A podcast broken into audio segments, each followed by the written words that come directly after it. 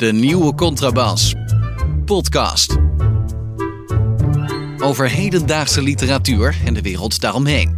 Met Chrétien Breukers, een elitaire Limburger. En Hans van Willigenburg, zomaar een Zuid-Hollander. Voor de mensen die, eh, voor wie dat nog een verrassing is, dat is dus voor niemand een verrassing, maar eh, we zijn er even uit geweest. Eh, en dat was ongeveer bij elkaar gerekend uit mijn hoofd zo'n 3,5, 3, 3,5 week. Ja. Eh, en mijn ervaring is, ik weet niet hoe dat bij jou, Chrétien, is. Kijk, als je in, die, in dat ritme zit van elke week podcast maken, dat, is, dat, dat, dat, is natuurlijk, eh, dat kan prettig zijn. Het is ook behoorlijk hard doorwerken, kunnen wij wel uit de school klappen.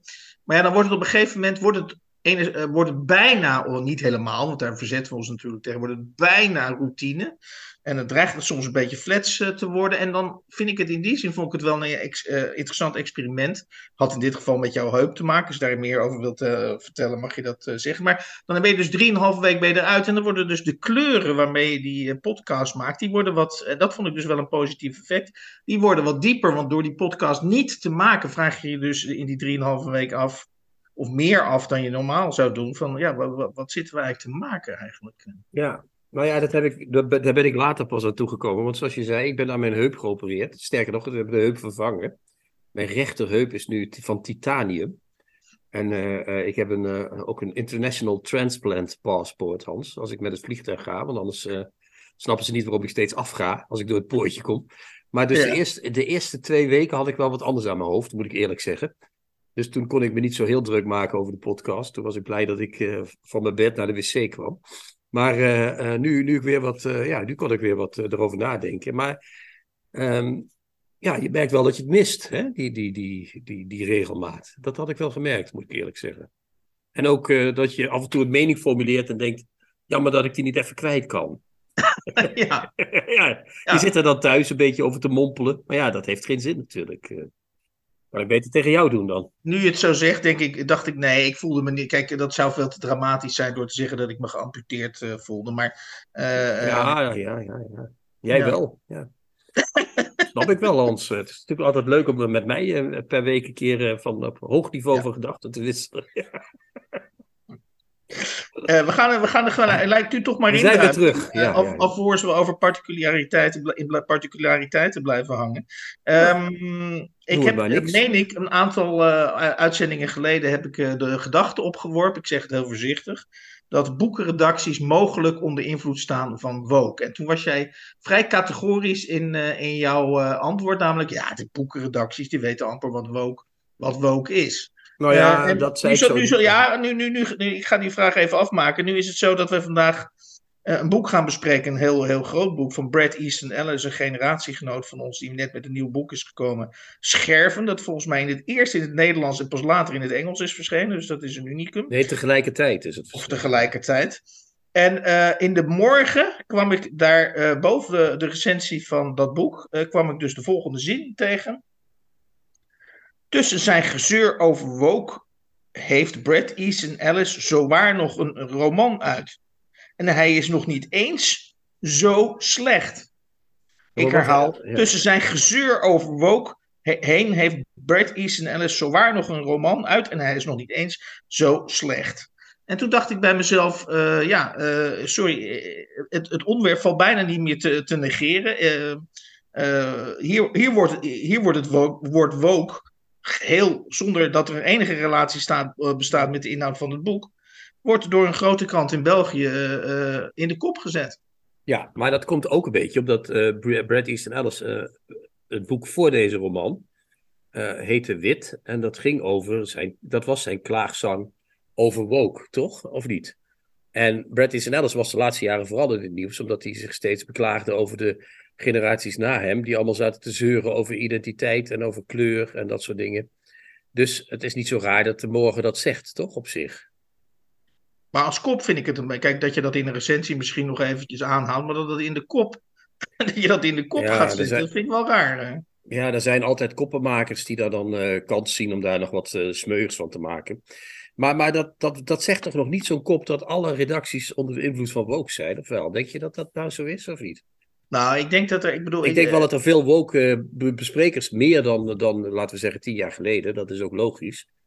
Maar ik zie nog niet zo dat kranten ons. Er wordt wel eens hier en daar iets gezegd waarvan je denkt: hè, bah, daar gaan we weer. Maar het is niet zo dat ik. Ik vind ze niet over het algemeen onder de invloed van woke. Ik vind ze eerder slecht toegerust voor hun taak en dat ze veel te weinig plek krijgen. Maar dat zijn twee verschillende Ja, daar zijn we, daar zijn we natuurlijk over eens. Ik, ik, sluit dit af. Kijk, volgens mij is er, eh, of daar kom je natuurlijk nooit uit. Zijn ze woke, niet woke? Eh, zijn ze 25, 50 of 75 procent woke, die boeken? Nou, die, die Dirk-Jan Arendsman die die recensie schreef van uh, Alice die schrijft ook al een jaar of twintig recensies. Die lijkt me niet zo heel enorm woke, eerlijk gezegd. Nee, maar daar, daar, die, die conclusie, want ik heb, we hebben, ik heb dit op Facebook uh, gezet en toen kwam iedereen met zijn eigen analyse. En inderdaad, uh, die, uh, elke krant zet er zijn eigen. En in de persgroep wordt het over diverse kranten verdeeld en dan zet een eigen kopmaker, die zit daar dan weer boven. In dit, dit, geval was dat dus iemand van de morgen en die had zich dus gestoord aan. aan, aan de wokeness van Bret Easton Ellis, ja. ja. Aan de anti-wokeness van Bret ja. Easton Ellis. Nee, kijk eh, wat mij betreft is de conclusie, uh, uh, namelijk dat zelfs al zouden die boekenredacties woke zijn of beïnvloed worden door de woke-gedachten, dan is dat misschien in, in zekere zin natuurlijk, want woke is op dit moment natuurlijk actueel. En elke krant staat nou helemaal onder invloed van actuele ideeën en, en, en dus ook van woke-ideeën. Dus je kunt zeggen, ja, dat is, dat is een logische consequentie van het feit dat, dat er een, een soort nieuwe cultuur aan het ontstaan is. Ja, het is altijd zo dat boekenredacties hebben gereageerd op wat erin is. In de jaren zeventig was de Volkskrant uh, boekenafdeling was heel uh, links, hè, met uh, Vogelaar en mm -hmm. Didi van Marissing. Um, dus die bewegen mee met de tijd. En die ja. ach, recensenten komen en recensenten gaan, Hans. Laat dat een troost zijn, vooral het laatste. Ja. ja. Roland Dobbelaar. Uh, ja. Ik, weet niet eens, ja, ik heb dat voor jou op het, op het lijstje gezet. Wat is er met Roland Dobbelaar? Ja, Roland Dobbelaar had een. Die is, dat is de man die achter Bazarov. Hè? Dat is de, de, website die vroeger boeken verkocht, maar nu alleen maar recensies uh, publiceert. Roland Dobbelaar had een uh, column geschreven over Annette Daanjes boek. En dat vond hij een mooi boek. Je kon het nauwelijks wegleggen, maar het beviel hem niet dat de vrouwfiguren allemaal, uh, uh, die, die, die waren niet goed. Hè? Heb, heb, je de tekst voor je of niet? Uh... Nee, ik, ik heb dat even bij jou neergelegd, want ik, ja? heb, ik heb die recensie niet gelezen van Roland Dobbelaar, maar... Um... Ja, er zit, hij zei letterlijk, er zit geen normale bij op Bazarov. Ja. Okay. Hij, ik heb nog nooit zoveel onogelijke, te dikke, te dunne, te domme, dan wel te slimme, onmogelijke, onaardige, of onderdanige, gefrustreerde, wereldvreemde, frigide en ziekelijke vrouwen in één boek langs zien komen. Echt die. En dan de, de mannen daarentegen, dat zijn allemaal brave borsten. Die werken hard. Het zijn sukkels die niks van vrouwen snappen, maar geen vlieg kwaad doen. Dus wat Roland uh, uh, Dobbelaar hier zegt, is dat, uh, dat, dat, dat, dat hij die vrouwfiguren zo vindt, dat is tot daar aan toe. Maar dat hij dus zegt, dat boek is niet goed, want uh, Danje heeft dat en dat vrouwbeeld. Dan denk ik, hij, hij, heeft dus kritiek op het vrouwbeeld. En wat heeft, kijk, je kunt wel zeggen, uh, zo'n auteur die heeft een bepaald vrouwbeeld wat mij niet bevalt. Maar je, kunt, je moet je altijd afvragen, waarom heeft die auteur zo'n uh, vrouwbeeld? Wat, wat zit, daar, zit daar misschien een soort lijn in? Is er iets in dat verhaal wat om die vrouwtypes vraagt? Is er iets mm -hmm. in, die, in, die, in dat boek wat om die vrouwtypes vraagt? Uh, je kunt niet zomaar zeggen van het vrouwbeeld deugt niet. Dat is net als zeggen van uh, die man heeft die en die politieke opvattingen. Dat durft volgens mij ook niet. Je moet kijken wat, wat doet dat, wat doet de aanwezigheid van die vrouwen ja. en die sukkels van mannen in het boek. Ik vind dat voor iemand die filosoof is, zegt hij altijd heel trots in, in, in de bijschriften bij zijn. Uh, Oh, hij was, oh ja, hij was ook betrokken bij de, de, de, school voor filosofie of zo. Ja, ja, precies. Nou, als je daar les van krijgt, dan denk ik, nou, daar wil ik geen literaire les van krijgen van zo iemand dan die ja. dat uh, in één keer wegvaagt. Uh. Dus vraag je af wat dat voor dat boek betekent. Uh, begin niet meteen, hè, zeg niet, ondanks zijn gezeur over woke doet Alice dit en dat. maar zeg, Alice is iemand die dit en dit vindt. En in zijn boeken komt dat zus en zo naar voren. Ja. Pro probeer niet te oordelen meteen. Dat valt mij heel erg op. Het is meteen allemaal... Maar dan, dan neem ik toch nog even een kleine U-bocht naar het vorige onderwerp. Je ziet dus, volgens mij...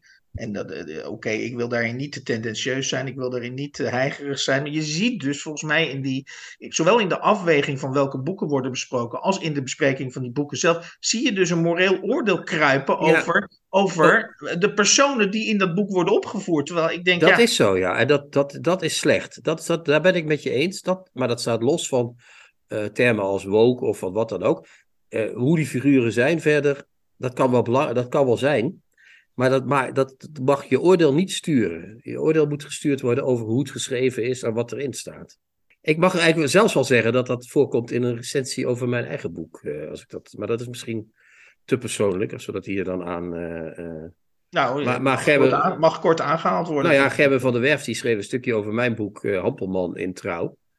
En daar heeft hij het ineens over die onaangename hoofdpersoon, Thomas Meerman. Waar hij eigenlijk liever niet over leest. Dan denk ik, ja, dan vind je het eigenlijk maar raar. Dan, dan, dan, ja, dan kun je niks met mijn boek. Want wat moet ik met een andere... Ik hoef toch geen andere hoofd... Ja, hoe krijg ik een andere hoofdpersoon erin? Ja, het is ook iets waar je niet tegen kunt verdedigen. Hè? Nee, je kunt zeggen, ja, oké, jij vindt hem niet aardig. Ja, jammer. Ja, wat moet ik doen? Ik, maar ja, als je onaangename hoofdpersonen in de, in, de, in de wereldliteratuur... Dat wordt echt aansluiten, Hans. Ik bedoel, er zijn er wel meer. Ik bedoel, ik ben niet de enige. Ja, het, het is, ja, het is een Nee, heel joh, raar, laten we eh, zeggen, dat, ik, ik, ik houd even op dat een heel raar criterium of een hele rare benaderingswijze van een boek, van een, van een roman is er niet. Ja, eh, kijk eens naar wat er geschreven wordt en hoe. Eh, Hou eens op met dat gezeur over hoe mensen zijn. Waar ik ook op, eh, heb op zit te vlassen om, om aan jou in deze aflevering van de Nieuwe Contrabas even voor te leggen, omdat jij volgens mij in een ver verleden zelf in een boekwinkel hebt gewerkt. Eh, Zeker. En, en ook zeg, zeg maar de, de temperament van lezers. eh, eh, ik vind dat je daar in, een recent interview had je volgens mij ook een genadeloze, of in, in, in Hampelman zelf geloof ik, eh, dat je een genadeloze afrekening eh, met, met, met lezers als, eh, als, eh, als, als mensensoort, zou ik bijna zeggen, eh, hebt geschreven. Dat was ik, Ik niet zelf, hè? dat was mijn personage die dat zei. Ja. Oké, oké, Ja. ja. Maar ik Nee, ben het wel eh, met hem eens. waar ik ontzettend om moest lachen. Ik was laatst in Hillegersberg. En Hillegersberg is een beetje de chique. Erik weet er alles van. Is een beetje de chique wijk van Rotterdam. Bij Maximus was je of zo. Bij Ja, ik was Maximus, bij en- Maximus, inderdaad. Dat zijn En twee kwam- dames, hè? Die, die, of zijn Ja. die weg, de dames? Ja, wacht nou, wacht. Gelijk over- Ja, wat moet ik nou zeggen? Ja, die dames werken daar nog. Want, dat Ja, is dat heel zo? interessant voor de luisteraar ook, inderdaad. Ja, maar dat zijn zeer eh, oordelen. Ja, ga verder, sorry. Ja, ga. Goed. Ik heb daar zo, nee, ik moest daar zo om lachen. Ik dacht, dit moet ik in de podcast vertellen. Er kwam een hele professorale een man, eh, duidelijk met pensioen. Ik zou zomaar een emeritus hoogleraar kunnen zijn met een das en een lange, lange eh, chique jas. En die, die kwam zo eh, met, een, met een boek, trots met een boek naar de kassa paraderen. En die zei heel trots tegen die, en dat vond ik zo'n gouden zin. Die zei, ja, heb ik gezien bij Brommer op Zee. Ja, schitterend, schitterend.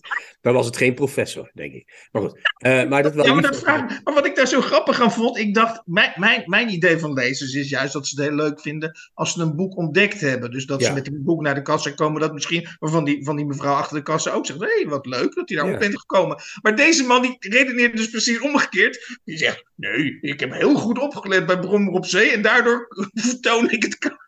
Verkoop ik het juiste, vertoon ik hier het juiste kopieergedrag. Ja, ja, ja, verschrikkelijk. Ja, het bestaat echt dus. Hè? Ja, het is fantastisch. Ja. Je hebt ze dus gezien. De, de tevreden consument heb jij daar gezien, Hans. Dat was hem dus. eh. Ja, en, en, en ik, ik heb natuurlijk onze eigen kritiekpunten op Brommer op Zee. eh, want er is natuurlijk altijd wat aan te merken op dat programma. Ik vind dat terecht overigens. Ik vind dat eh 80-plus uitzendingen nieuwe, de Contrabas podcast, meer voor de literatuur, voor de echte literatuur doet dan eh, Brommer op Zee. Maar goed, dit geldt terzijde.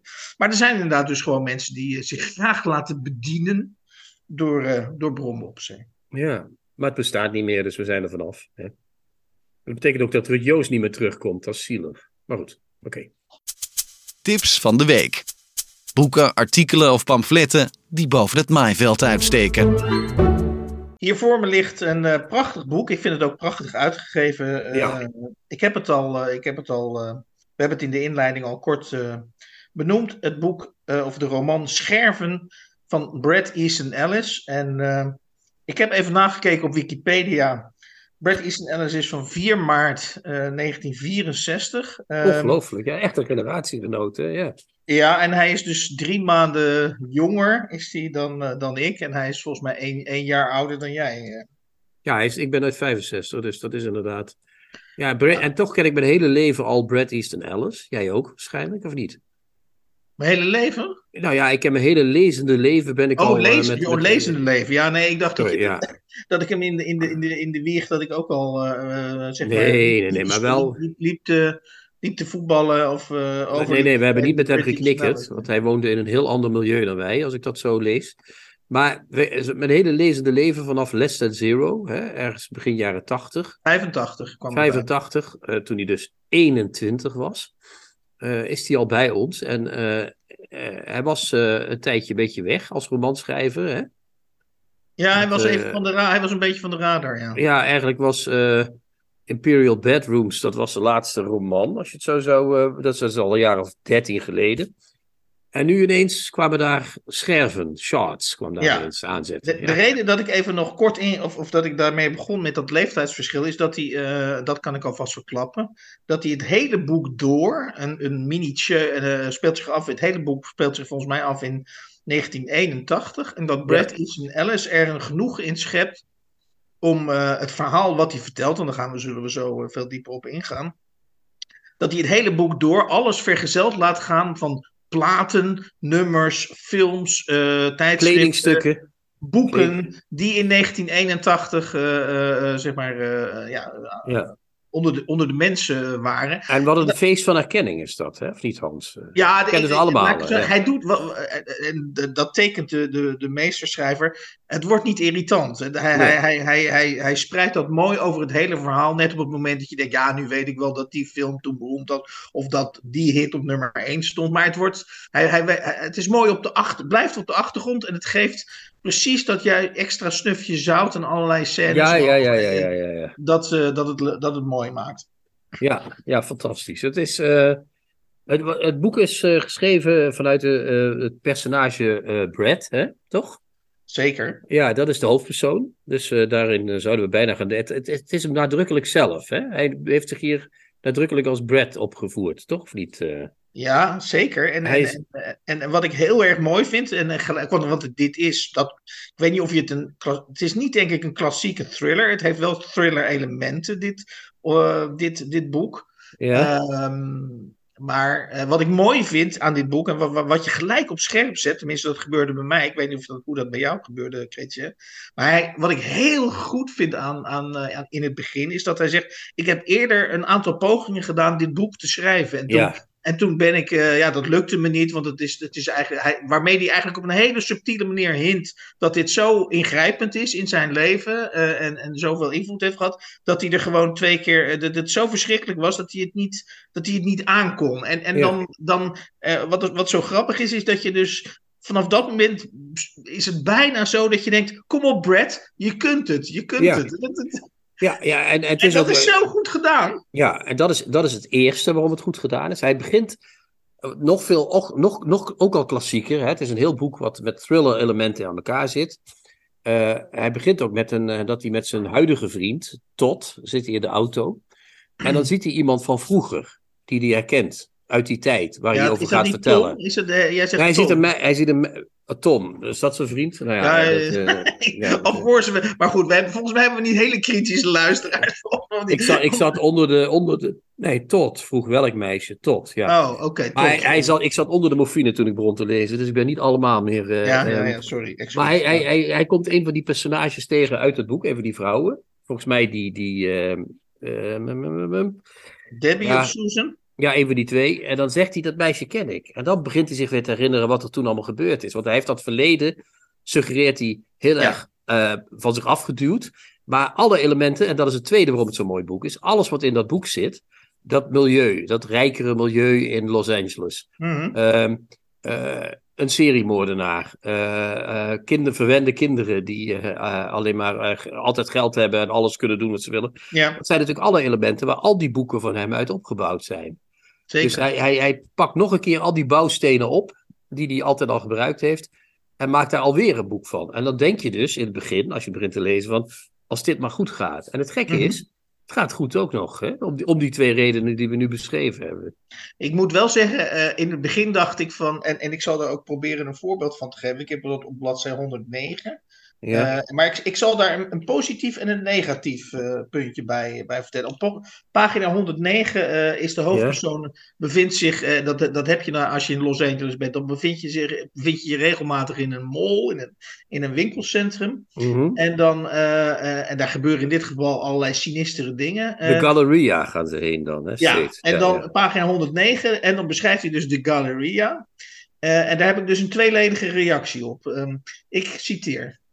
Pagina 109. De noordkant van het eetgedeelte begon met chipyard cookies. Daarna kwamen gelegenheid als hotdog, A Stick on Kabobi, Mexican Nee. Dan en Perry's Pizza. En het eindigde met Orange Julius.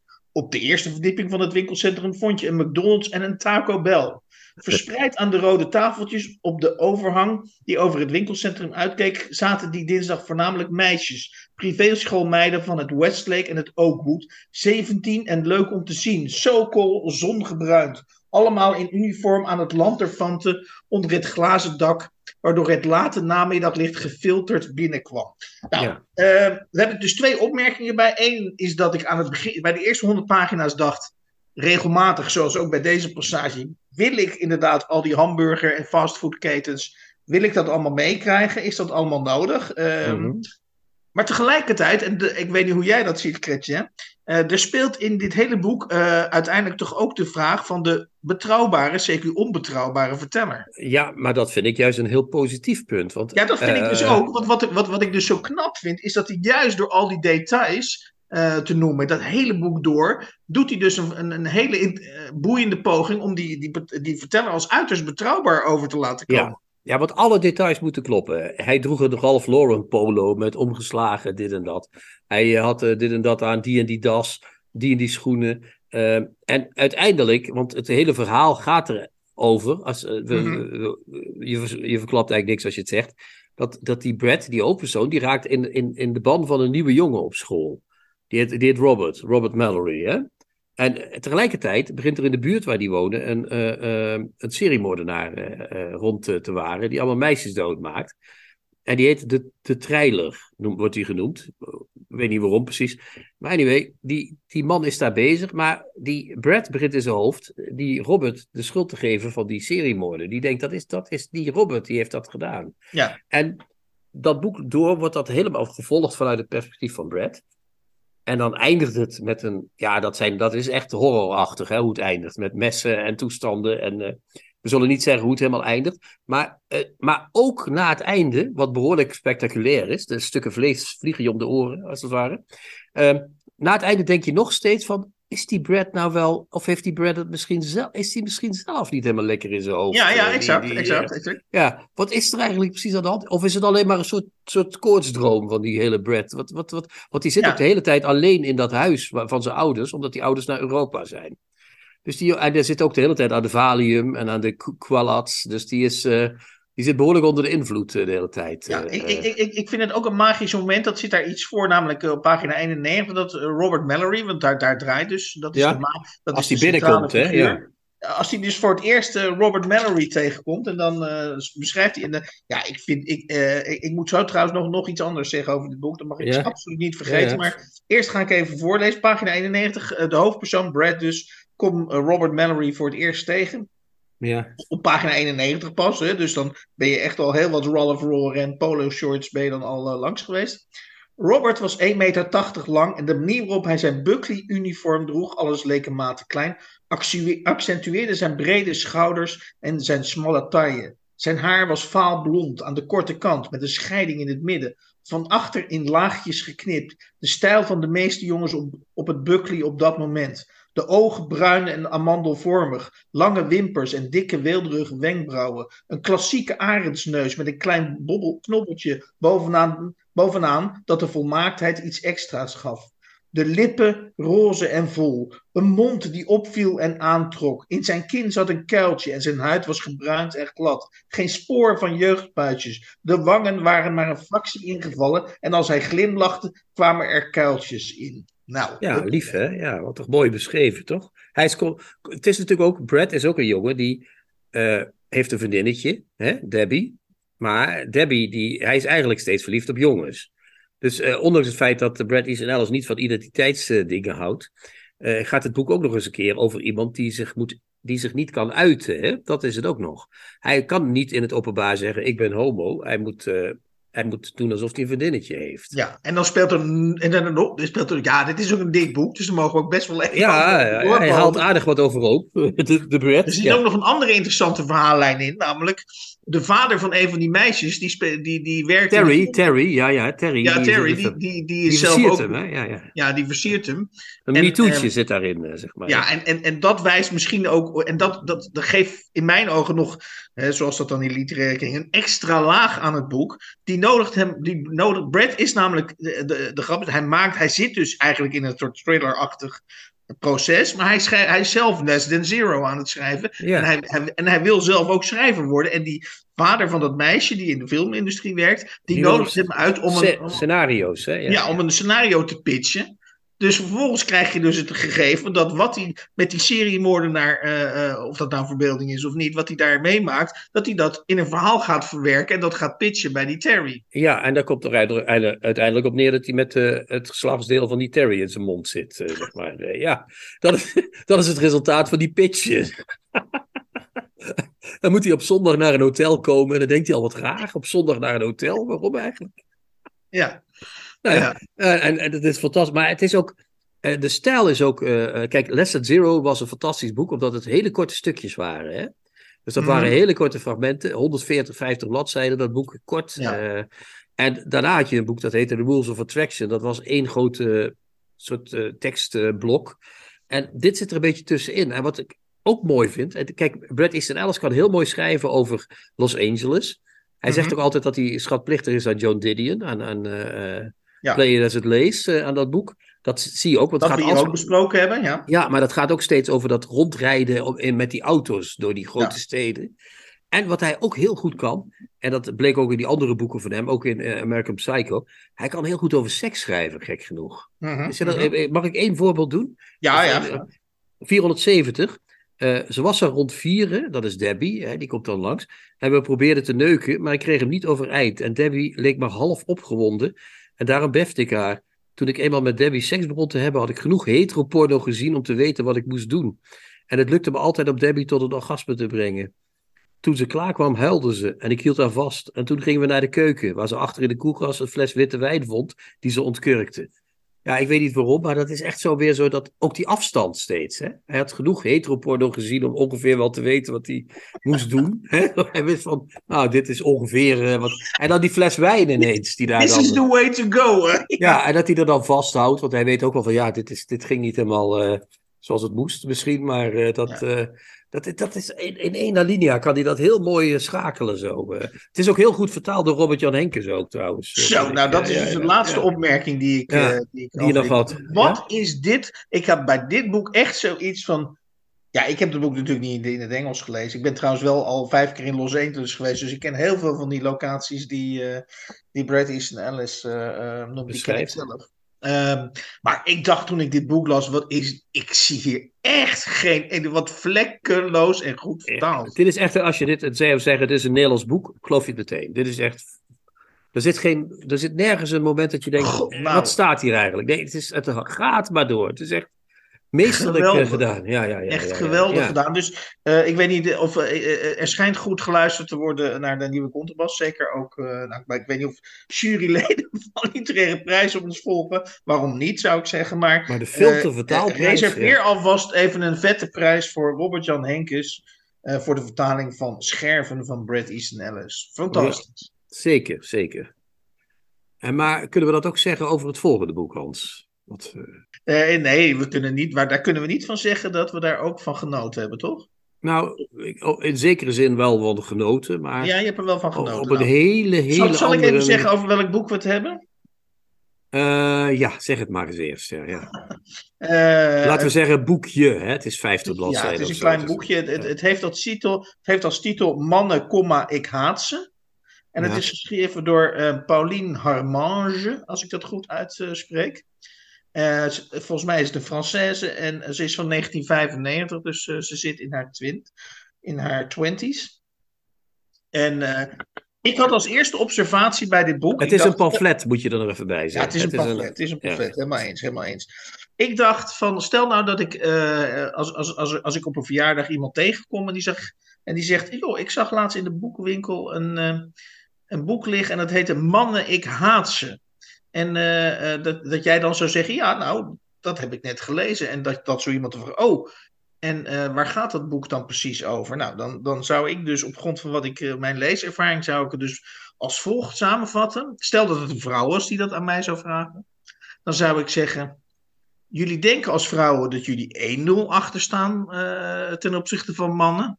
Maar Pauline Harmange zegt, nee, jullie staan niet 1-0 achter, jullie staan 10-0 achter. Want? Dat begrijp ik niet helemaal. Nou, er moet zoveel veranderen. Laat ik het zo zeggen, als je mannen niet gaat haten, als je ze niet structureel uit je leven gaat bannen, of als je niet uh, tien keer zo uh, uh, alert wordt om hun, hun verderfelijke invloed te laten gelden, dan gaat het niet goed met je aflopen. Ja, ik heb het zo gelezen. Ik heb het iets anders gelezen, net gradueel iets anders. Mag dat? Ja. Het... mag ik even zeggen, bedoel ik wat ik bedoel? Um, dat is dat zij eist in dat pamflet, Mannen en ik haat ze, zegt ze dat ze het recht opeist voor vrouwen en voor zichzelf om mannen te haten. Net zoals mannen vrouwen haten. Dat is haar ja. grondstelling, toch? Of niet? Zeker. Ze zegt dat, eigenlijk, dat, ik, is, dat is een beginnetje in mijn ogen. Maar goed, oké. Okay, ja. Nou, maar dat is wel waar ze steeds op terugkomt. Ze zegt steeds van als mannen uh, dat mogen zeggen over ons, mogen wij over mannen dat zeggen. Toch? Mm -hmm. Dat is wat ze. En ze vindt dat uh, uh, mannen allemaal niet deugen. Dat zegt ze ook letterlijk. Uh, zelfs haar man. Ja, de vraag is wel of ze dat echt meent of dat het een retorische truc is. Maar goed, oké. Okay, ja, ja, Dat, dat staat er wel. Ik heb het maar gelezen zoals het er staat. Ja. En uh, dan, uh, ze, de, ze neemt als uitzondering haar eigen man, overigens. Ze verexcuseert zich aan het begin van het boek voor het feit dat ze getrouwd is, toch? Ja, zelfs ze verexcuseert zich dat ze getrouwd is, maar ze noemt die man van haar toch een redelijk geduldig type. Um, en uiteindelijk bedankt ze hem ook in het nawoord voor het idee voor dat boek. Dan denk ik, ja, als zo'n verwerpelijke man uh, jou het idee heeft gegeven, wat is dan het probleem precies? Nou, we kunnen er lang serieus over zijn, Hans, maar het is gewoon een flodder van een boek, toch, eigenlijk? Ja, vind je? Ja, ik vind het echt een ontzettend floddertje van een boek, vind ik het, ja. Ja, nou ja, ja ik, vond het echt, ik vond het echt van A tot Z flauwekul, eerlijk gezegd. En niet omdat het gaat over... Um, omdat mannen... Of, van mij mogen vrouwen mannen haten. Dat, dat, dat, dat is niet... Uh, en andersom, uh, maar, maar, mogen mannen niet uh, toxisch zijn tegen vrouwen, zoals ze steeds zegt. Daar moet je mee uitkijken. Maar ik zie het probleem niet. Ik bedoel in de zin van, er zijn wel problemen. En die zijn al vaker uh, aan, aan de orde gesteld. Maar het, zij stelt die problemen niet aan de orde. Zij heeft gewoon een soort samenvatting van wat er allemaal gebeurd is in, de, in het feminisme. Ik en dan hoor zegt alle dat... vrouwen keihard roepen van... Ja, ja, maar jij hebt die problemen niet ervaren, Christian. Ja, maar die problemen... denk je dat ze er niet zijn. Ja, maar die problemen moet je dan ook mooi opschrijven. En dit is één, één aaneenschakeling van uh, dat, ben, dat, ben, ik met je eens. Kijk, ik heb, ik, ik heb een paar citaten eruit om even aan te geven hoe dun, en in mijn ogen flinterdun zelfs, uh, die, uh, die bewijsvoeringen en die, en die, en die betogen van, van Pauline Harmange gaan. Op pagina 20. ze, verwijst, het, ze verwijst eigenlijk constant ook naar haar eigen omgeving. Hè? Dus ze doet eigenlijk geen enkele poging om, om te vermijden dat ze het over haar eigen bubbel heeft. Dus bijvoorbeeld, dan staat ze op pagina 20. Bij veel vriendinnen en kennissen, dus dat is het bubbeltje van Paulien, heb ik een soortgelijk patroon opgemerkt in hun houding tegenover feminisme en misandrie. En misandrie is dan mannenhaat. Ja, ja, ja. Dat, en, en, dat soort zinnetjes, die kom je dus aan de lopende band uh, tegen. En dan kom je er op een gegeven moment, uh, en daar moest ik erg om lachen, dan kom je op een gegeven moment op pagina 34. En dan zegt ze, uh, uh, dit, en dan zegt ze in pagina 34, en dat is de eerste keer dat, dat ze daarop hint. Dit is geen mening, dit is een feit, zegt ze op pagina 34. Dus dan bedoelt ze mij eigenlijk, tot dusver, in dat hele boekje heb ik alleen nog meningen gegeven. Dit is het eerste feit waar ik op pagina ja. 34 mee kom. Ja, en dan gaat ze verderop. Ik weet niet wat het paginanummer is, want ik heb alleen de digitale. Uh -huh. het, is, het is evident dat weinig mannen tegenwoordig luid en duidelijk verkondigen dat ze vrouwenhaters of seksisten zijn. Ze ontkennen dat zelfs vaak erg vlot. Ik seksistisch. Thuis heb ik een vrouw, twee dochters, twee poezen en twintig kippen. Ik heb een huis vol vrouwvolk. Het is algemeen bekend, wie met vrouwen omgaat, is automatisch van alle seksisme vrijgepleit. Nou, dat zal ook wel een beetje ironisch zijn. Maar als jij zo'n fan bent die dat zegt, ja, dan weet je van jezelf ook wel dat je een seksist bent, toch? Als je zo gaat. Uh, ja. Ja. Als je zo gaat wauwelen, dan word je toch ook een beetje een oude vent als je dat zegt. Wat voor mensen kent zij, denk ik dan? Wat is dat? Wat is dat nou, dat, dat is precies het punt. Dat is, ja. Dus ze doet eigenlijk geen enkele poging om, om zich uit, uit haar, om, om enigszins te abstraheren. Of in ieder geval een geloofwaardig verhaal over, over, uh, over mannen uh, daarover. Behalve dat ze dit heeft meegemaakt of dit in haar vriendenkring tegen. En dan gaat ze zichzelf ook nog mooier maken. Mannenhaat richt zich op een doelgroep, maar eist geen slachtoffers die we op een macabere, bijna dagelijks groeiende lijst moeten bijschrijven. Wij doden of verwonden niemand. We beletten mannen niet hun droombaan of passie na te jagen, zich te kleden zoals ze willen, s'nachts op straat te lopen of te zeggen wat ze willen. En als iemand toch het recht claimt om mannen zulke beperkingen op te leggen, is het ook een man en vloeit dat altijd voort uit heteroseksueel patriarchaat. Ik begrijp gewoon niet waar ze het over heeft. Jij wel? Nee, dit, dit, dit is. Uh, dit is gewoon niet te vatten. Dit is, dit, het is gewoon iemand van een jaar of, ja, wat is 6, 27 met een. Uh, mm-hmm met een pen en verder kan ik er niks van maken. Ik weet het niet wat het is. nou ja, kijk, niet, uh... ja.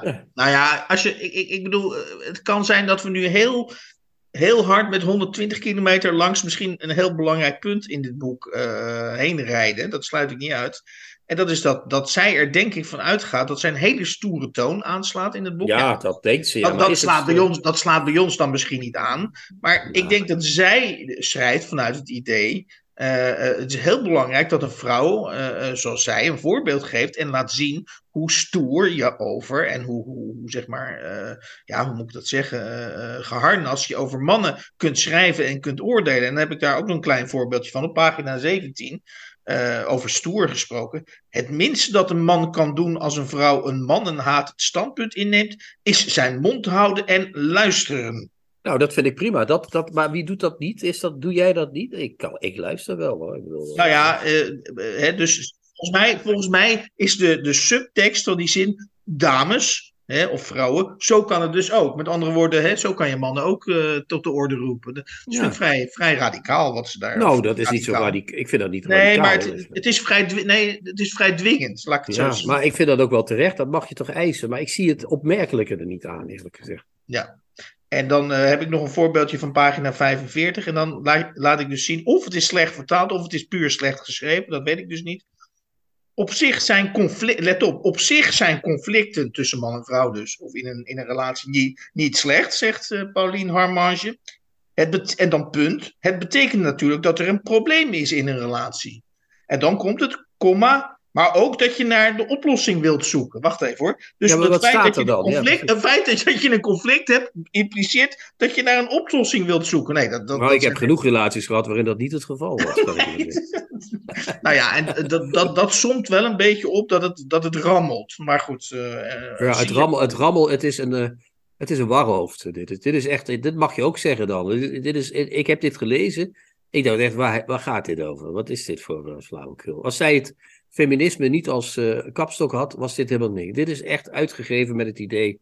Het, het, het zou wel eens kunnen gaan lopen, maar dit boek had er net zo goed niet kunnen zijn. Dat heeft niets bijgedragen aan de zaak. Niks. Totaal niet. Aan welke zaak trouwens? Uh... De zaak van het feminisme, of aan de zaak van de mannenhaat. Ik, uh, ik haat schrijvers van dit soort boeken, dat wel. En ik eis dat recht ook op, Hans.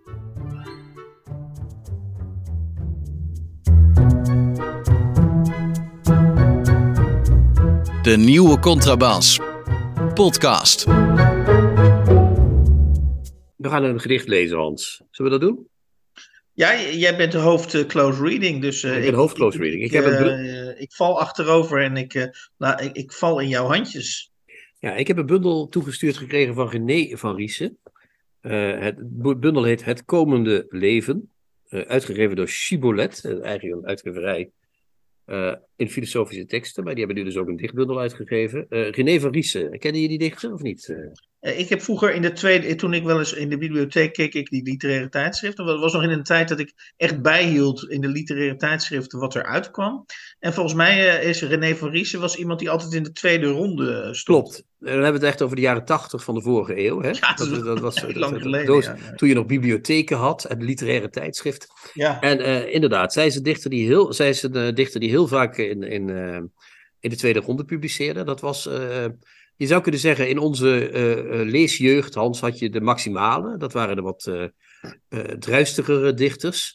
Uh, je had de nieuwe wilde van Ellie de Waard. Uh, hè, dat waren de vrouwelijke tegenhangers daarvan. Uh -huh. En je had een beetje de nieuwe, de, de tweede ronde club, zou je kunnen zeggen. Hè? Dat blad stond toen onder leiding, als ik me niet vergis, van Peter Verstegen en Marco ja, Fonsen.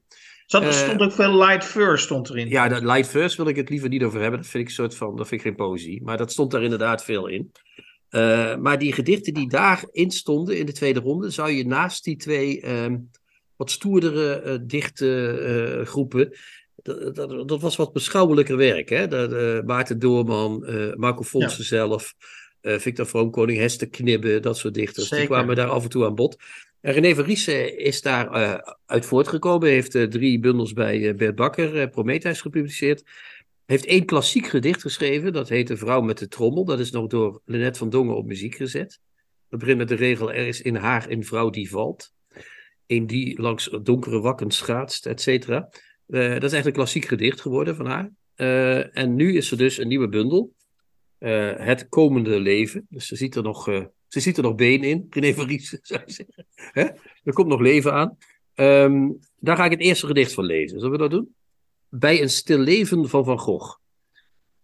Ik, uh, ik was het haast voorbijgelopen, dit onaanzienlijke stil leven, acht krokusbollen in een mand. Dat is de eerste strofe. Ken je dat schilderij, Hans, of niet? Ik, ik, zie er, ik weet niet of ik het ken, maar als ik, als ik, als ik deze regels uh, hoor, dan zie ik, het, zie ik het schilderij van Van Gogh al, al redelijk voor. Ja, het is, het is niet zo'n later schilderij met van die wilde kleuren. Het is toch zo'n beetje zo'n vroege Van Gogh. Je ziet gewoon een mandje met acht krokusbollen erin. Uh, hangt in het uh, Van Gogh Museum. Heel eenvoudig schilderijtje. Dus we beginnen al. En toen was het ook nog haast voorbij gelopen, zie je? Dus het begint al allemaal heel uh, eenvoudig en, en, en stil. Ja, mooi. Acht, acht kinderen, haastig toegestopt in het donkere bed, waaruit nu spits de eerste spruiten zich een weg daarbuiten banen. Nou, hè? We, we, worden dus, die, die acht krokusbollen worden nu acht kinderen. Dus acht mm -hmm. jonge, het komende leven tenslotte. Uh, er staat niet een weg naar buitenbanen, maar er staat een weg daar buitenbanen. Dus die, die spruitjes, dat worden van die voelhorens in de, in, de, in de wereld, zeg maar. Dit botten, dat ook buigen is, en stuurloos gaan van links naar rechts, vertaalt voor mij het woord begin. Nou, dus we, we blijven zitten in het, uh, in het, uh, ja. op een positieve manier in het kleine. Hè? Ik weet niet of het jou opvalt als je het zo hoort. Maar het is ook heel uh, qua versificatie heel ja, is, uh, mooi is, gedaan. Hè? Ja. Het zijn geen rijmwoorden, maar het klopt wel heel precies. Ik was het haast voorbij gelopen, eerste zin. Dit onaanzienlijk stil leven, tweede zin. Acht mm -hmm. krokusbollen in een mand. Hè? Je zou zeggen, waarom is het, zijn die afbrekingen daar? Maar het klopt helemaal precies, vind je niet? Dat is ja, echt, ja, ritmisch is het heel mooi gedaan. Heel mooi gedaan. Het is heel mooi opgeschreven. En dan komt de laatste strofe. dus de derde eindigde met vertaald voor mij het woord begin vertelt van licht dat kwam en ging, iedere kiem van meet af zag en het groeien hoede elke dag. Nou, dat is het.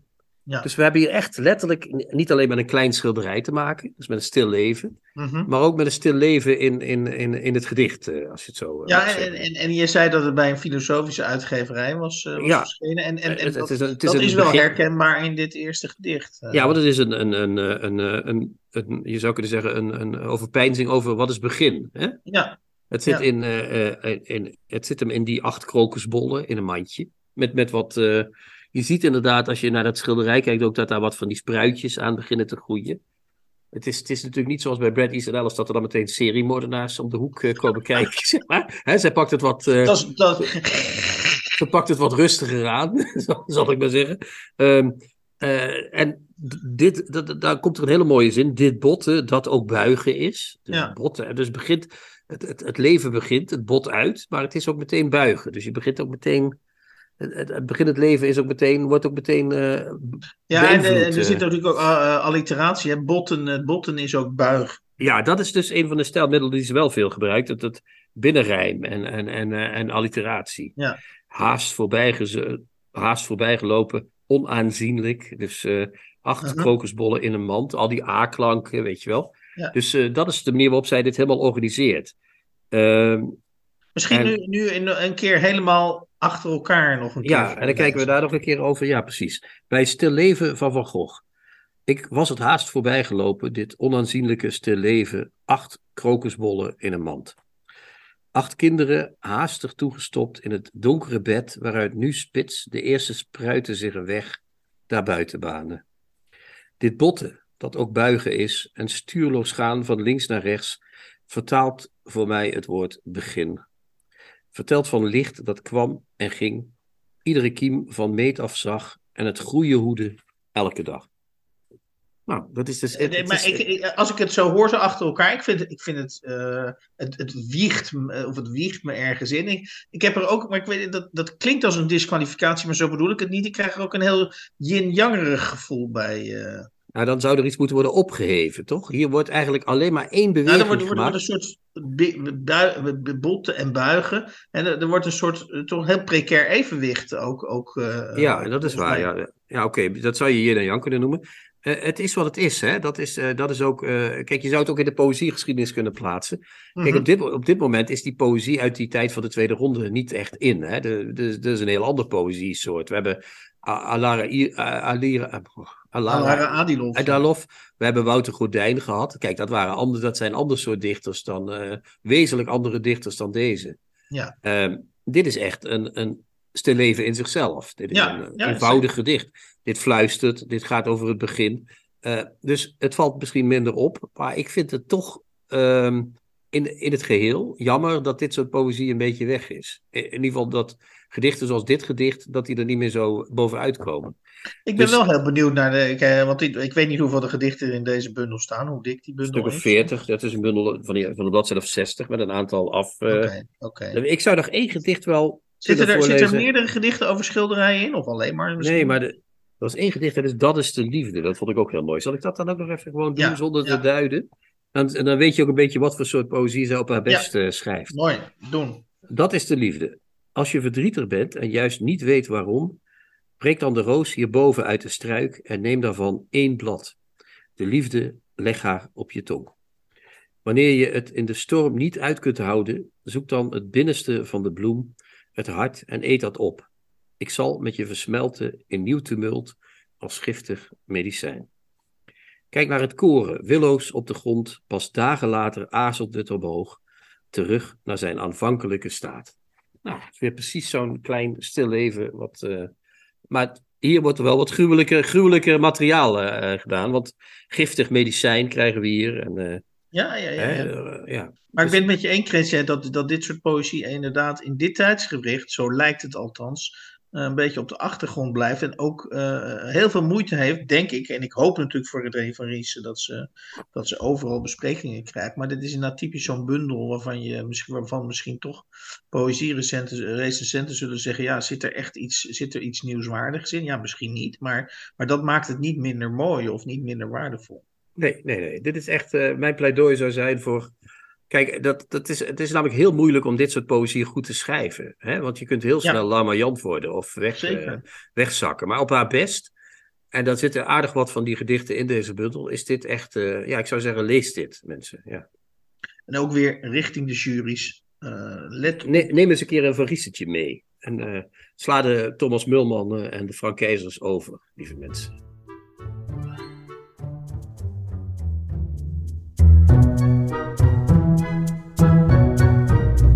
De nieuwe Contrabas. Podcast. Ja, we zijn klaar, Hans. Ja, we zijn klaar met de 87e aflevering van de nieuwe Ja, Contrabas ik hoefde gelukkig, gelukkig niet te dansen vandaag, want dat had niet gekund. Maar eh, ik, ik ben blij dat ik het volgehouden heb.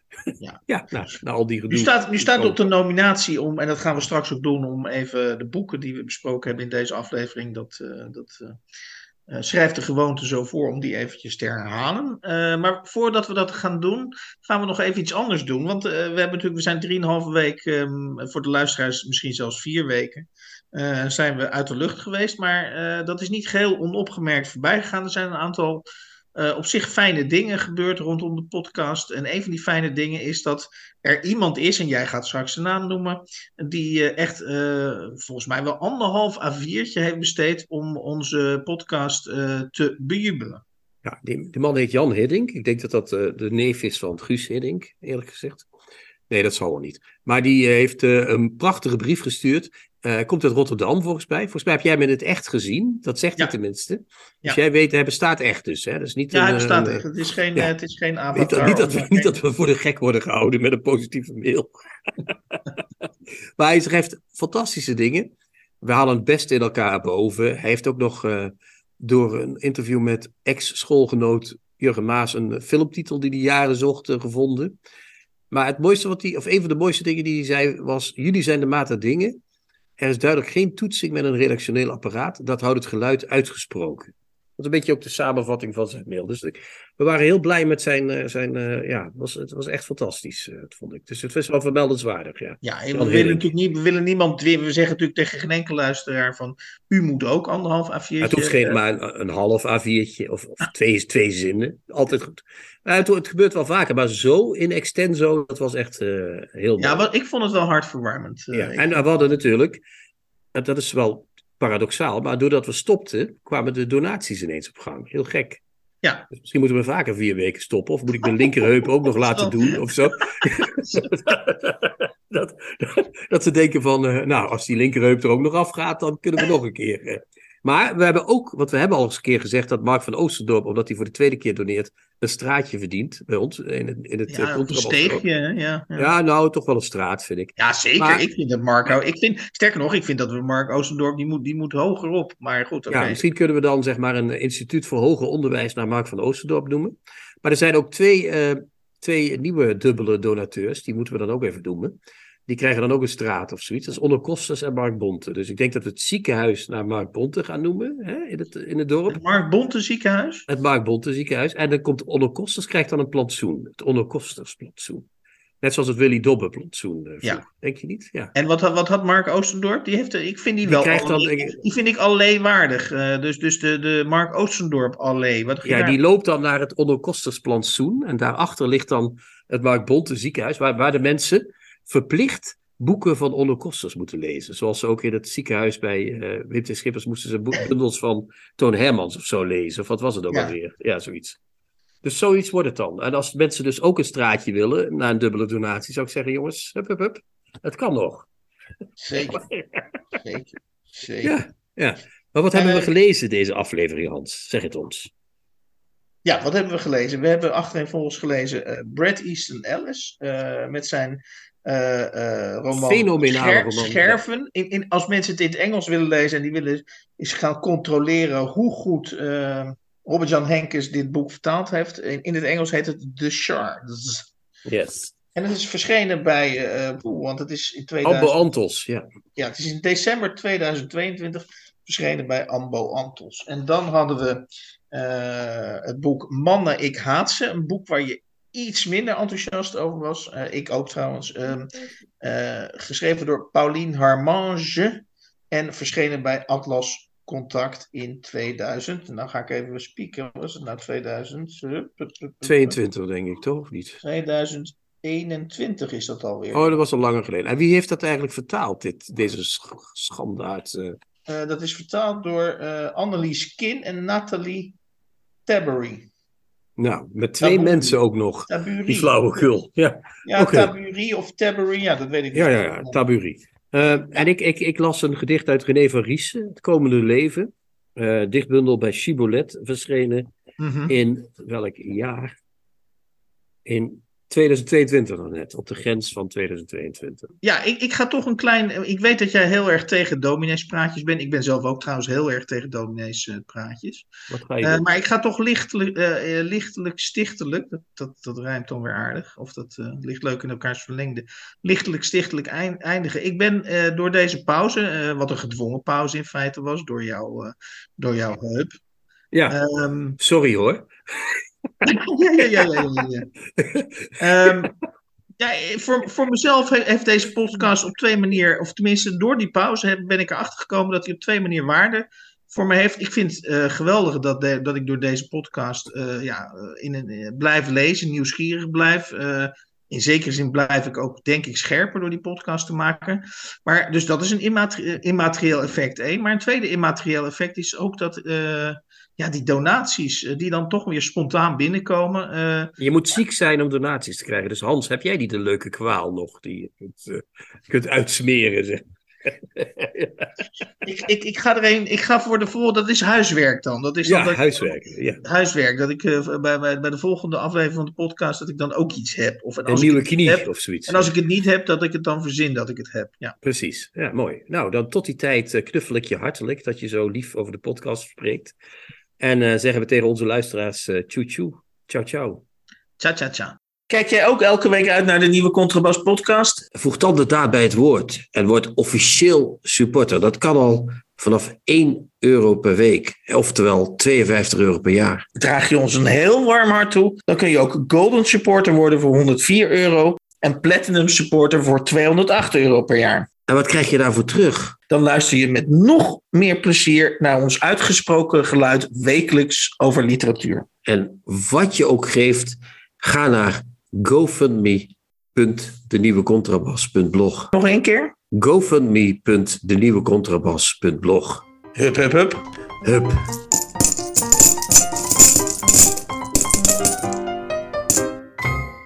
De nieuwe Contrabas podcast wordt gemaakt door Chrétien Breukers, Hans van Willigenburg en Erik Lindenburg.